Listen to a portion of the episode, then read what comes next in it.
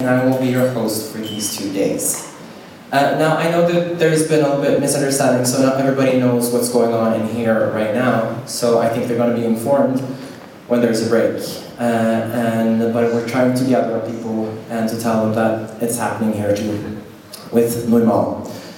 So, we have a lot of different speakers here today from all around the world who have been working on the subject that we're here to understand and to discuss, put our minds together and try to be proactive in evolution that already has begun in many countries to decriminalize cannabis and to build a regulated system around it. As with alcohol, where it is controlled and distributed by the government, set on an age limit, and hence dosed and treated equally.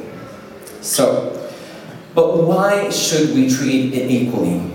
Well, as many of you probably have seen reports about the positive effects of marijuana, healing effects and being less damaging than alcohol, how cancer patients or patients with neural damages, eating disorders use marijuana to experience recovery. But as all things, it can be abused. And by the way the system is working today, having the herb criminalized goes into a dark illegal market worth over $300 billion a year. And being a part of a drug circle that funds weapons and war and trafficking. And we don't want that. Also, it is using a lot of uh, police resources, cutting people off from the help they need, the right to health and privacy, and also the government is losing tax money that they could have made. So, can we follow up in the footsteps of other countries such as Canada, Uruguay, and many states in America? What has happened after cannabis got legalized? So we're gonna work with some workshops tomorrow. We're gonna see some pros and cons and get a little bit wiser and then use our minds proactively uh, in the day tomorrow. So before we begin, if you all look on the back side of your card, you can see the schedule for today and tomorrow and who's going to be the speakers. And the first speaker up today, um, I myself, I'm a master student in integrative psychotherapy, and I'm extra excited about our first speaker. He's considered one of the most experienced and respected Dutch psychiatrists in the field of drug use. So let's not wait anymore. Please welcome Frederik Polak.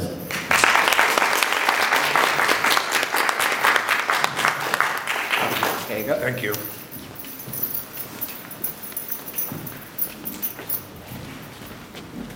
Oh, good evening. Oh, this can be closed. isn't You it? can close it, just go.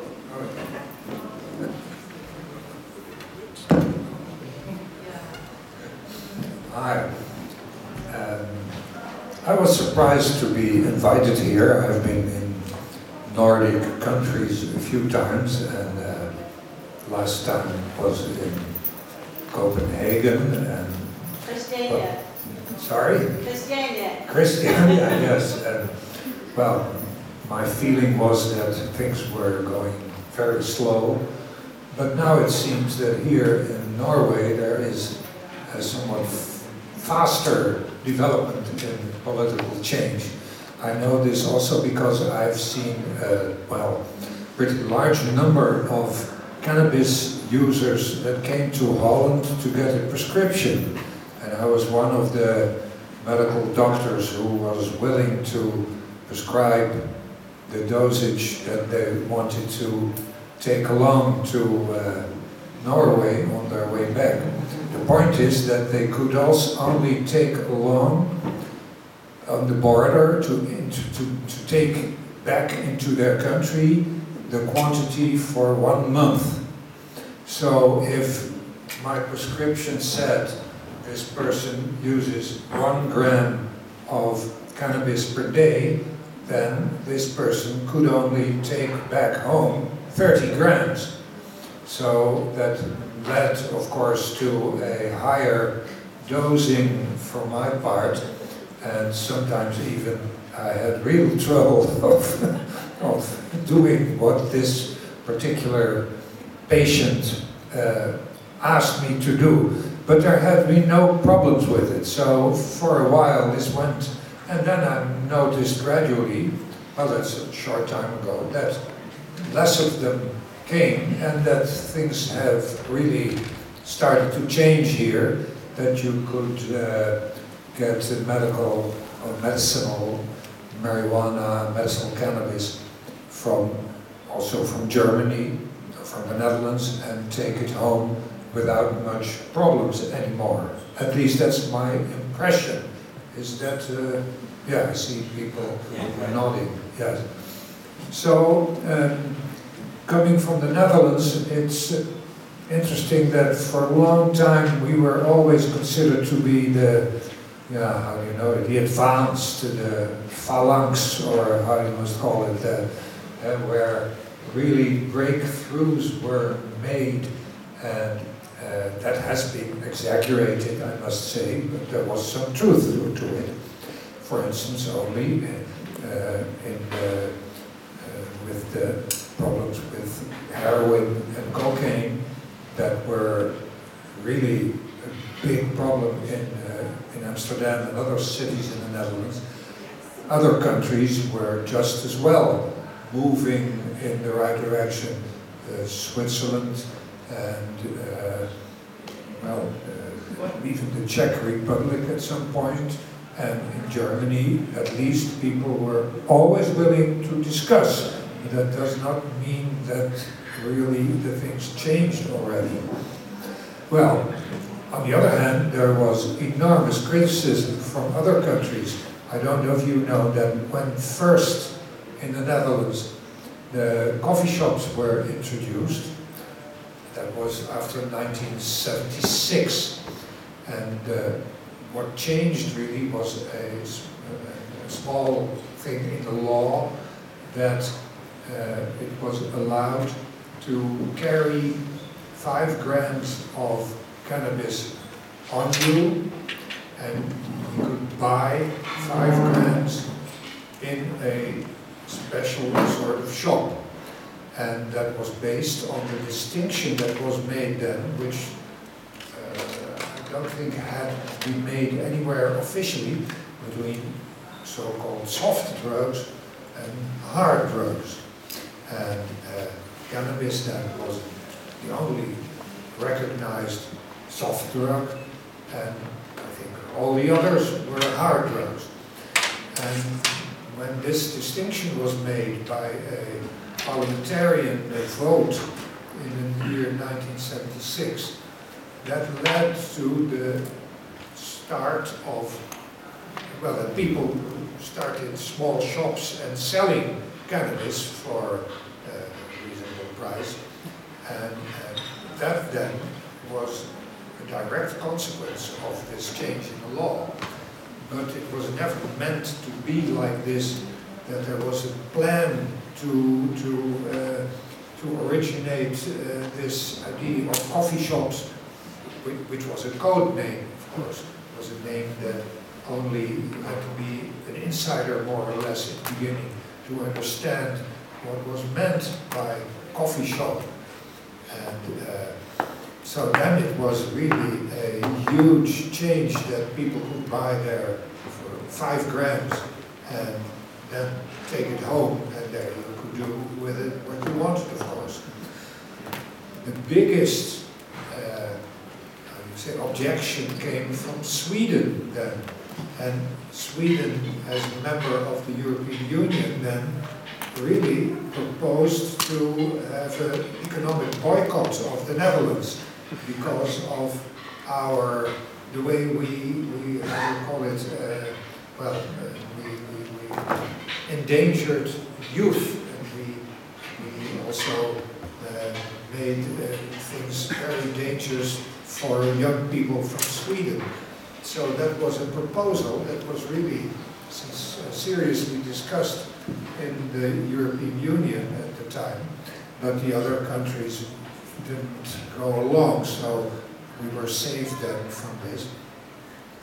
But the, the debate or the criticism on the Netherlands, mm, well, went on and uh, it was stronger or a bit less and then stronger again. And at some point the French President Chirac, he was really uh, having his own war uh, on this subject, a diplomatic war with the Netherlands. And that for the, what we found out as, uh, well, we were organizing things and we sometimes had contact with people in the parliament or members of uh, political parties, important members of political parties, and they all said to us, no, this is really bad, and it's an enormous problem, uh, the way France is, uh, is trying to, to stop all this.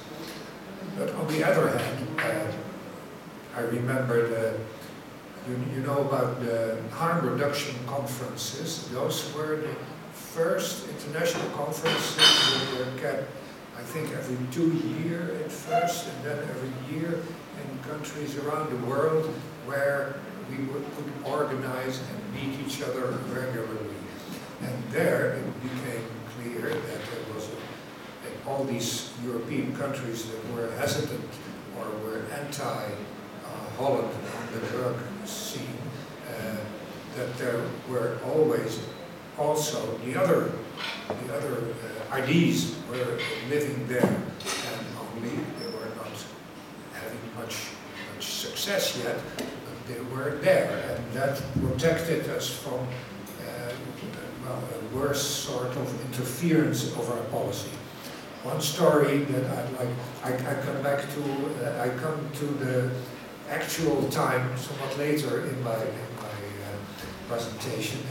One thing I want to tell you, I don't know if it's known here, that somewhere uh, in the period that uh, it was President uh, Clinton, that there was a, the Americans always have a top diplomat, top not diplomat, top, top person in the drug office, and uh, his name then is the drug czar. And the American drug czar then was a general, uh, McCaffrey, was his name. I don't know, has anybody heard his name before? Ah, yeah. Well, and then at some point we heard that General McCaffrey wanted to make a visit to Holland to get information and to see how it went here. And well, it was seen as a good step. But then the day before he left the United States to, to come to the Netherlands, he gave an interview and there he said that the Dutch drug policy was an unmitigated disaster. So, and that's a strange thing to say if you go to the country yeah, in name to get new information, to learn how it is there. So that led to a diplomatic row between the Netherlands and uh, the Americans. And uh, that was a good thing that even our, not the Prime Minister, but the Minister of Health and other uh, important political figures let it be known to the Americans that if this was not withdrawn, what this General McCaffrey said, that we would cancel the whole visit. That it was ridiculous to, to say it was an unmitigated disaster and then to play as if you are on an, to get information from the Netherlands. Well, and that was successful, and McCaffrey uh, had to uh, came to visit. And he was, we, we were afraid that coming home he would still say the same sort of things, but he really changed his tone, and that made some progress in the relationships between the Netherlands and the surrounding countries. But because the, our government really stood firm, that we must uh, recognize. Well, what I'm sorry I have to tell you is that since then, not much has changed in the Netherlands. On the other uh, parts of the whole drug problem, things have certainly changed. Uh, we, I don't exactly remember which year, but with the hard drug problems, we were getting along uh, like Switzerland did with experiments with uh, prescription of, uh, well, methadone was already a long time and the Netherlands were prominent in uh, prescribing methadone for the methadone users. And that meant also for people who were not insured, who could not pay for it, that this came from the, from the money, uh, from the cities mostly. Were, the cities were responsible for this. But at some point, the discussion was about user rooms. You know, this uh, problem is, is a problem, uh, sort of place where people could sit and inject or uh, smoke the way they were would to do it without being harassed by the police or whatever. So really sort of safe rooms for users. And uh, they were being created in most of the big cities. And that also was something that started in, in Switzerland and in Australia, you know, in small places in, in Australia, this harm reduction movement. So that was mostly then what people were working on, and the whole idea of saying, well, it's okay to reduce the harm, but the idea that the drugs should be forbidden is the, is the, the, the main fault of the whole thing, and the main mistake that has been made, and that makes it impossible for us to have a normal relationship to drugs. And the normal, people, means then the same sort of relationship that you have to alcohol and to tobacco, and some people also to benzodiazepines or other medication they get from the doctor. And it took a long while before this came back. I was in one of the organizations that started then really to say the only solution for the whole problem can be to legalize uh, the, the use and also the production and trade in these drugs. And well, we were sometimes looking for what is the best argument to use. And there were different arguments. I've heard a number of them just now here too. But one argument I have not yet heard, and I think from a, uh, well, a point of view of human rights, the most important argument, I think, is that the state has no right to interfere when an individual is doing something that may harm him or herself. The government laws are there to punish people who harm other people, who, who harm, nowadays you would also say, who harm the environment. Or, but if you only harm yourself, then that should not be business of the government to, to interfere there. That is already a very old uh, notion. It was first, as far as I know, by a political philosopher, philosophers, uh, John Mills, an English uh, philosopher in around 1850, I think, who wrote about this as sort of a well, very general and, and uh, important rule that to, to make laws against behavior or to punish people for behavior, they really must have done something else than just harming themselves.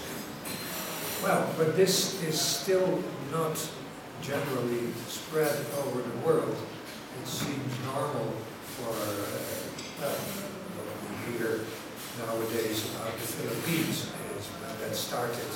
You probably know about this, President Duterte then, who was to pose as a fighter of the drug, uh, uh, all the terrible things caused by drugs. And he installed, he said that his police, but also even normal citizens, if they sus- had a suspicion of somebody using or trading in drugs, they could kill this person. Did, did you, all, who was not aware of that this has happened? I would like to know. Were you all aware of this situation in Philippines? Yeah, okay. Okay, because, well, it's now, it seems now that he has heard from so many countries and also important politicians that this is simply not, not possible, that it's, legally uh, already it's impossible to do this. There must be at least a court case before you can execute a person if the, if the death penalty exists in that country. You cannot do it on the basis of a suspicion. But in the meantime, many thousands of people have been killed in the Philippines in their sort of war drugs. Well, we're looking now for a way out of this and uh, how to see it as not a war against or whatever, but as uh, thinking about how to regulate it. And therefore you need a political, uh, political environment. You get an enormous amount of counter arguments that may vary from, from uh, the more religiously based arguments that I never understand exactly where it comes from because it does, the Bible at least does not say that we may not use drugs. The only thing that is mentioned is wine at some point and wine is okay. But that does not mean that the other drugs are not okay. But that's the way this has been interpreted and may be the case also in the Nordic countries where uh, the Protestant churches are big. And in Holland this is also maybe been coming from the Protestant churches. And Catholic churches are somewhat are somewhat more, oh yeah, here, it sounds in my ear as it is. Must I start anew? Um, So that's religious arguments, I, I think you can immediately uh, forget, but that does not mean that the other side will accept this. But there, there may be sensible arguments. But then the results of a number of developments are such that I think the proof is now there that the prohibition, even if you would think that that is the best thing to do, but that the prohibition does not make the situation better, but it makes it worse. And uh, my conclusion is that, but that's not the end of my story, but to say the conclusion that I'm going to work to, that the Netherlands proved for cannabis that ending the prohibition has not led to serious problems or to a deterioration of the whole situation. And for all the other drugs, another country has delivered proof, which is, which country is that? Portugal. Portugal, in the year 2001, decriminalized all drugs that were prohibited until that time. And that, that did not mean that it all was free, it was decriminalized, so the trade and the production uh, and transport so remained illegal. But for the users, it was a very uh, clear situation for every drug. A maximum amount was uh, determined that one could carry on, on one's body or that could one have in one's home. And below that maximum quantity, uh, it was okay. So the only problem for users after that uh, uh, important change in the law in, in Portugal, the only problem was where to get the drugs because that still was uh, illegal. Now, and there's the interesting thing, there's very little known about how the Portuguese government and Portuguese police uh, uh, are handling this in practice nowadays. And that's something I went out and tried to get more information on. And then after that I will return to the Netherlands because there are also some developments there that are interesting. And I would want everybody to get more knowledge about how this has been possible. Because it's not just uh, last year or so, this was in 2001, so really 16 years ago Portugal. Now, how did they do this? And I must mention first that it's not that they didn't have a problem there, so that it was not a big issue. They had a really serious drug problem. It seems that they had uh, addiction to uh, heroin. I, I'm bad at remembering numbers, but it was the highest percentage of the whole of the European Union. Uh, that was uh, in, of the population Lisbon that was addicted to heroin.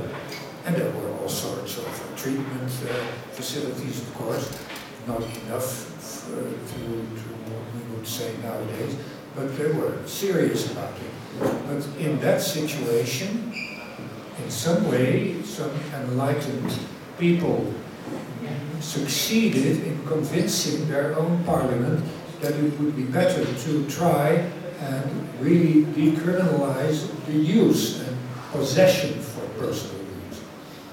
Now, that has happened, and since then, you never hear about Portugal anymore. You can read, you know, in Portugal, in uh, Lisbon, is the EMCDDA, the European Monitoring Center on Drugs and Drug Addiction, the European Union's, uh, how do you say, base for where all the information is gathered and reports are produced every year about how things are going in, in, all, in all these countries. But I've really tried to find out there from how this could have developed there, and you, you find really almost nothing about this in their, in their uh, written material. And for that reason, also, it took me a while really to get active on this. But last year, I went to a conference in uh, Lisbon on, well, mostly about their own situation. And then I, well, I must first say, my idea, I had an idea how this could be explained. And I thought for that reason, we have to go back to this American television series, uh, The Wire, which probably some of you people have seen. The Wire, about uh, the city, it was about the city of Baltimore. It was a really, really serious drug problem. And now the special thing that happened in one of the, in, in, in, uh, in I think the third year of the wire was that the police chief and police uh, of the whole city came together and had a good idea to have a new approach. And this came down to this, that the uh, chief of police in, invited all people he knew in the drug trade and he said, I want to talk about you, about uh, how these, well, about the uh, present situation. And these people came and they sat down and he told them, uh, you know, probably I have enough on each of you to put you in prison for many years, but I won't do that if we can have a different uh, uh, accord, how you say, a different uh, uh, plan. If you take care of providing people with good quality drugs, and there are no fights, and there are no killings anymore, and people are not forced to use more drugs than they want, or uh, otherwise violence. If all that does not happen, so if I hear nothing from my, my cops in the street about you, then we leave you alone. You can go alone. Well, so that uh, happened and it went quite well. Things were much more tranquil and peaceful than ever before until the federal government heard about it and forbade it. And then they had to go back to the old system, picking up everything, everybody who was uh, carrying something that was suspect or something. Well, in my ID, I, I had seen that and I thought that was a very, well, probable, it was fiction. It, it not happened really. It was fiction. But I thought that's not a bad idea. And maybe this is what the Portuguese have done. And then I talked, I went to, to this conference in, in Lisbon and tried to get in contact, because I knew that if I sent a letter and asked about somebody, is it true, that, that would never work.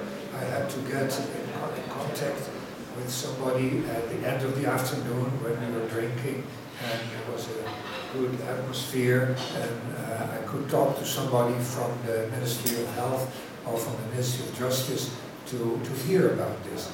And just one, one person really uh, got into this kind of conversation.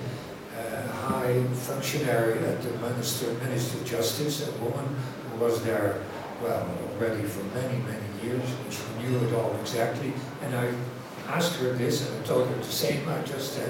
And she said, well, maybe, yes, maybe, know. That was all. So I think that there is something interesting going on there. The whole philosophy behind what they do. They keep secret and they are able to show to the world and to the European Union, which, and it is a fact that all their data on use, on problematic use, and on drug deaths, and on the number of people that have to be uh, hospitalized, and new, uh, how many young people, they all are it's not that they all went back down to zero, but they are a little bit lower than they were before. And a little bit lower mostly than countries nearby like Spain, France, Italy, but also in the whole European Union. So that means that the ending of the prohibition had not caused a terrible dangerous situation. So it had led to a situation that was no more than a little bit better than it would have been otherwise. But still, I think it is very important to, to keep this in mind because the idea that it's only okay if, if it's a lot better or if there is a huge difference with the way it was under prohibition, that is making a fool of yourself. There is no need for that. Uh, the idea that we could ever create a society without drug use is, is a really ridiculous and stupid idea. So I think that when you succeed in reducing problems, the, the real problems that there are surrounding drugs and drug use, that if you can reduce them a little bit, and then must be said also, with fewer people in prison. That is, of course, uh, I should have mentioned that, that's, of course, the first big consequence of the uh, Portuguese system, that many people would have been in prison by now if they hadn't changed this system, and would have long prison, prison sentences. And this is the same that happened in the Netherlands, but then only for cannabis, because we went no further than the decriminalization of cannabis, not legalization, because like with other drugs in Portugal, the production, the trade, and the transport is still illegal. And the problem in Holland now, and now I get to the point about my country, where I'm really ashamed of it, is that the police and the justice department are really having, well, they don't use the word war, but it is really a war on uh, small and larger uh, producers of cannabis. And everything they have, uh, with helicopters and airplanes, they fly over areas and if a roof somewhere, they can see that it is warmer than the surrounding roofs with uh, infrared uh, rays. And if such an, an attic in a, in, a, in a house is warmer than the other houses, they send the police there, and often that's a place where cannabis is being grown.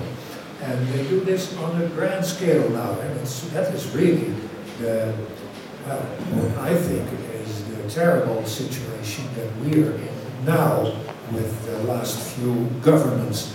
Even when the use, for the users, it has become clear that the, that they are free to buy as much cannabis as they want, all the different varieties, and they can take it home, and, and there is Oh yeah, there is only a limit in Holland as to how much you can carry on you. That's five grams. But at home, you, I don't think there is a limit like this. So, uh, in, in fact, everybody is free to, buy and use cannabis as much as he or she wants. And levels of use are fairly steady and a little bit lower in Germany, Belgium, France, especially France, has very strict prohibition and has higher, uh, higher numbers of users and problem users than we have. So that is in itself a, an interesting thing, I think, to, to spread this.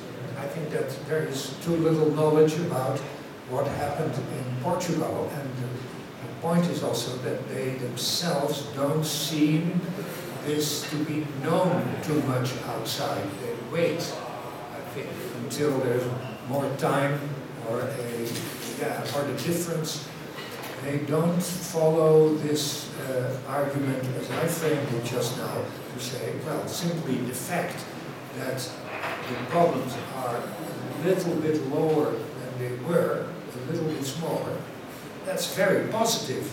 It's very stupid to think it's only positive when there is no more drug trade. So that is nonsensical to, to, to have that as the criterion.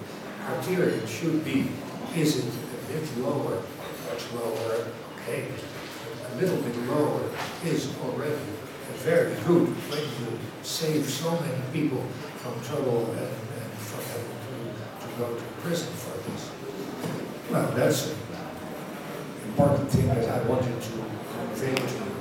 Now, as to the present situation in the Netherlands, there is one small positive development, and that is that uh, one of the political parties in the, well, just the left of the middle uh, has proposed to, to arrange it all in a, in a different way, and there is now, well, it's not accepted by the government, but it is so that they have, uh, they've said that municipalities may draw up a plan to grow cannabis for their own city and then some way to sell that to the customers.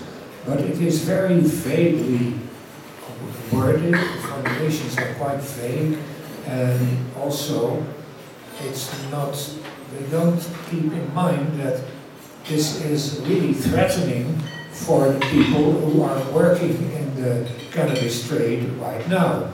Because it does it mean that the coffee shops, uh, the, where everybody knows you can buy cannabis and which really have a function as a sort of social function in the Netherlands.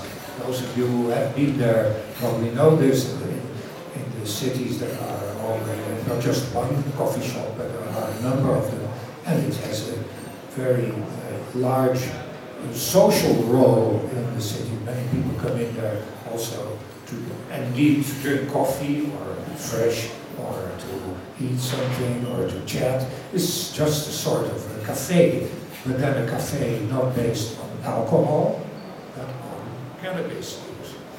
And this proposal of this, this opening the Dutch government made now for uh, six, I, I, don't remember whether it is six or eight municipalities should come up now with a proposal how to arrange legal growth of cannabis for their city, for their uh, municipality. That it's so unclear that there is hesitation among the cities even to to, to volunteer and to come up with a plan, because they, uh, it's, well, it's too unclear, all of this. I think this is a new example of how, how afraid the Dutch politicians are after what happened, what I told you about, that uh, Sweden even wanted a complete economic boycott of Holland. Uh, If we make serious steps on the other drugs, who knows what the consequences will be? And that may also be a reason for Portugal not to be too open about how this really works. And, uh, well, uh, you may quote me on this, what I told you about this. I'm certain that this is the way it works. And, but maybe if you put this in a newspaper and write about it, the Portuguese ambassador will react with a letter to the editor and deny it all. That is very well possible. They don't want this yet to be debated in the international fora. That is my, my conclusion from this. And uh, so the, the idea that Holland is the most progressive country on this is, I'm sorry to say, is a long time past, and I vote for Portugal here. Well, I think this is uh, what I had in mind. I had no, some notes, and I left them, and I forgot them in the airplane. So, but if you have questions, Can I have one, one short question? Uh, I hear your point about Portugal and the Netherlands. I was just wondering if you see any differences in uh, the use of heavy drugs or hard drugs uh, compared to Portugal in comparison to the Netherlands. Do you think that cannabis can be used as a substitute or a treatment alternative for people who are opiate addicts or benzodiazepine addicts or having trouble with alcohol? Do you think that it's uh, it's a better solution to regulate cannabis or like we do in the Netherlands? Or do you feel that Portugal has the best solution for that? Well, at the- last point you say, I, I think that Portugal, uh, well, it is my interpretation of what I see happen here and read about it. Because you have to explain why Portugal is not writing about this more openly in, the, in their, in their reports, their yearly reports for the EMCDDA. You don't find this in there. Only uh, the, the statistics are, are positive in this slightly positive way. So not many people understand that this is really very positive. It is not just a, a little bit better, because it means they stopped the war on drugs, and the results are a little bit better. More than that, we won't ever get, And just But that was your first and question. short follow-up is, do you think cannabis is a viable alternative for other addictions? I don't, example, well, in small percentage of cases, I think, it is, I, I, I have not heard about it, or, um, I have not read any, any uh, trial on this with people who wanted to, to, to try this. It seems to me that it's the other way around a bit for hard drug users and really experienced uh, year-long hard drug users, for them, cannabis, they say it's not a drug, that's this, uh, they even think ridiculous to, uh, they, they but more like somebody else smokes tobacco. I don't know whether they feel much from their smoking. No, I don't, I, so I don't think that maybe for people who hesitate and, and used uh, um, uh, heroin once or twice and are hesitating uh, to go on, you would better say, why don't you uh, fix yourself on cannabis, that would be better. Then maybe. I- I'm puzzled as to your assessment of the Portugal experiment. Um, You seem to be saying they are not prone to advertise or report on their results. just recently I've read three major reports. I guess they are trustworthy to some extent, but all of them, without any question, by every measure conceivable, ascertain that it is positive in all kinds of ways. And in fact, they, they go even further in, Yes, but in making the case. what, how the police goes after the big traders? How do they do that?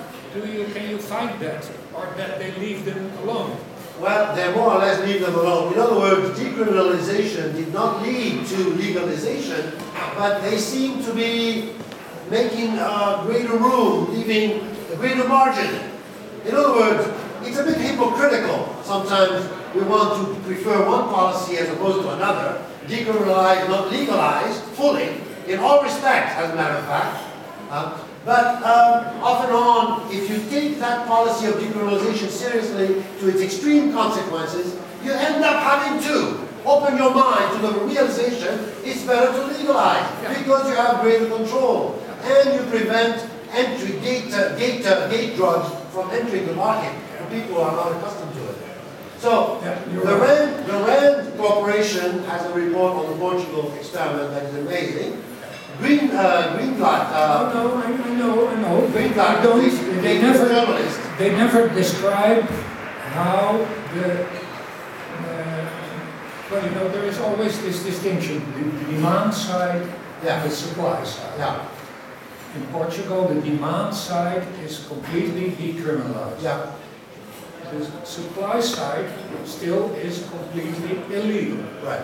Well, and the point that I raise is, how is the government there handling the supply side? You don't read that don't hear much about it. And that's Did what I you mean, read the hypocrisy. Did you read any of Yes, the hypocrisy is that they're leaving them a greater margin. In other words, they think, in order to have better control of the quality, they have to actually let it happen, or even have an eye onto it, oversee it. How do you avoid it otherwise? Yeah, yeah, yeah, well, that's an interesting, so then the police becomes more like uh, Quality control. an inspection. Yes, quality control. Well, but there you have it. So they are not having a war on, on drugs anymore. No, they're not. But again, for the But- but they- propaganda. They don't, if you legalize, then you must make up a whole set of laws. And just arrange who can do this and who can do that and what are all the consequences of that. And they're not facing up to that. No, but it's, I think it's very sensible. They, they let a gradual change come around, Yes. but they still are in a position to do, To crack down. if something goes wrong, Yes. wrong, immediately can do what they want. Yes. And that is, uh, if you do that from the, from the right perspective, it seems to me that that is a very good way of letting things develop. Right. And they've had 16 years. I mean, 16 years is a long period for an experiment of this kind. Sure. I mean, uh, next door, they were so surprised that why we're continuing the war on drugs, given the fact that all the results are the opposite of what we claimed we wanted to achieve. But here's my question to this. How long have we known that the war on drugs was a failure? How long has it been? And how long do we need to wait to figure out that it is generating the opposite results from what we desire? I cannot comprehend this. I, I don't know where it comes from. Who are the sensible people that we elect to position of power to continue perpetuating something of this kind when we've known for decades already that the war is Dear gentlemen, I do feel your passion, but we're on a schedule, so we have to wrap it up. Uh, you can reply, but then we can't move like 15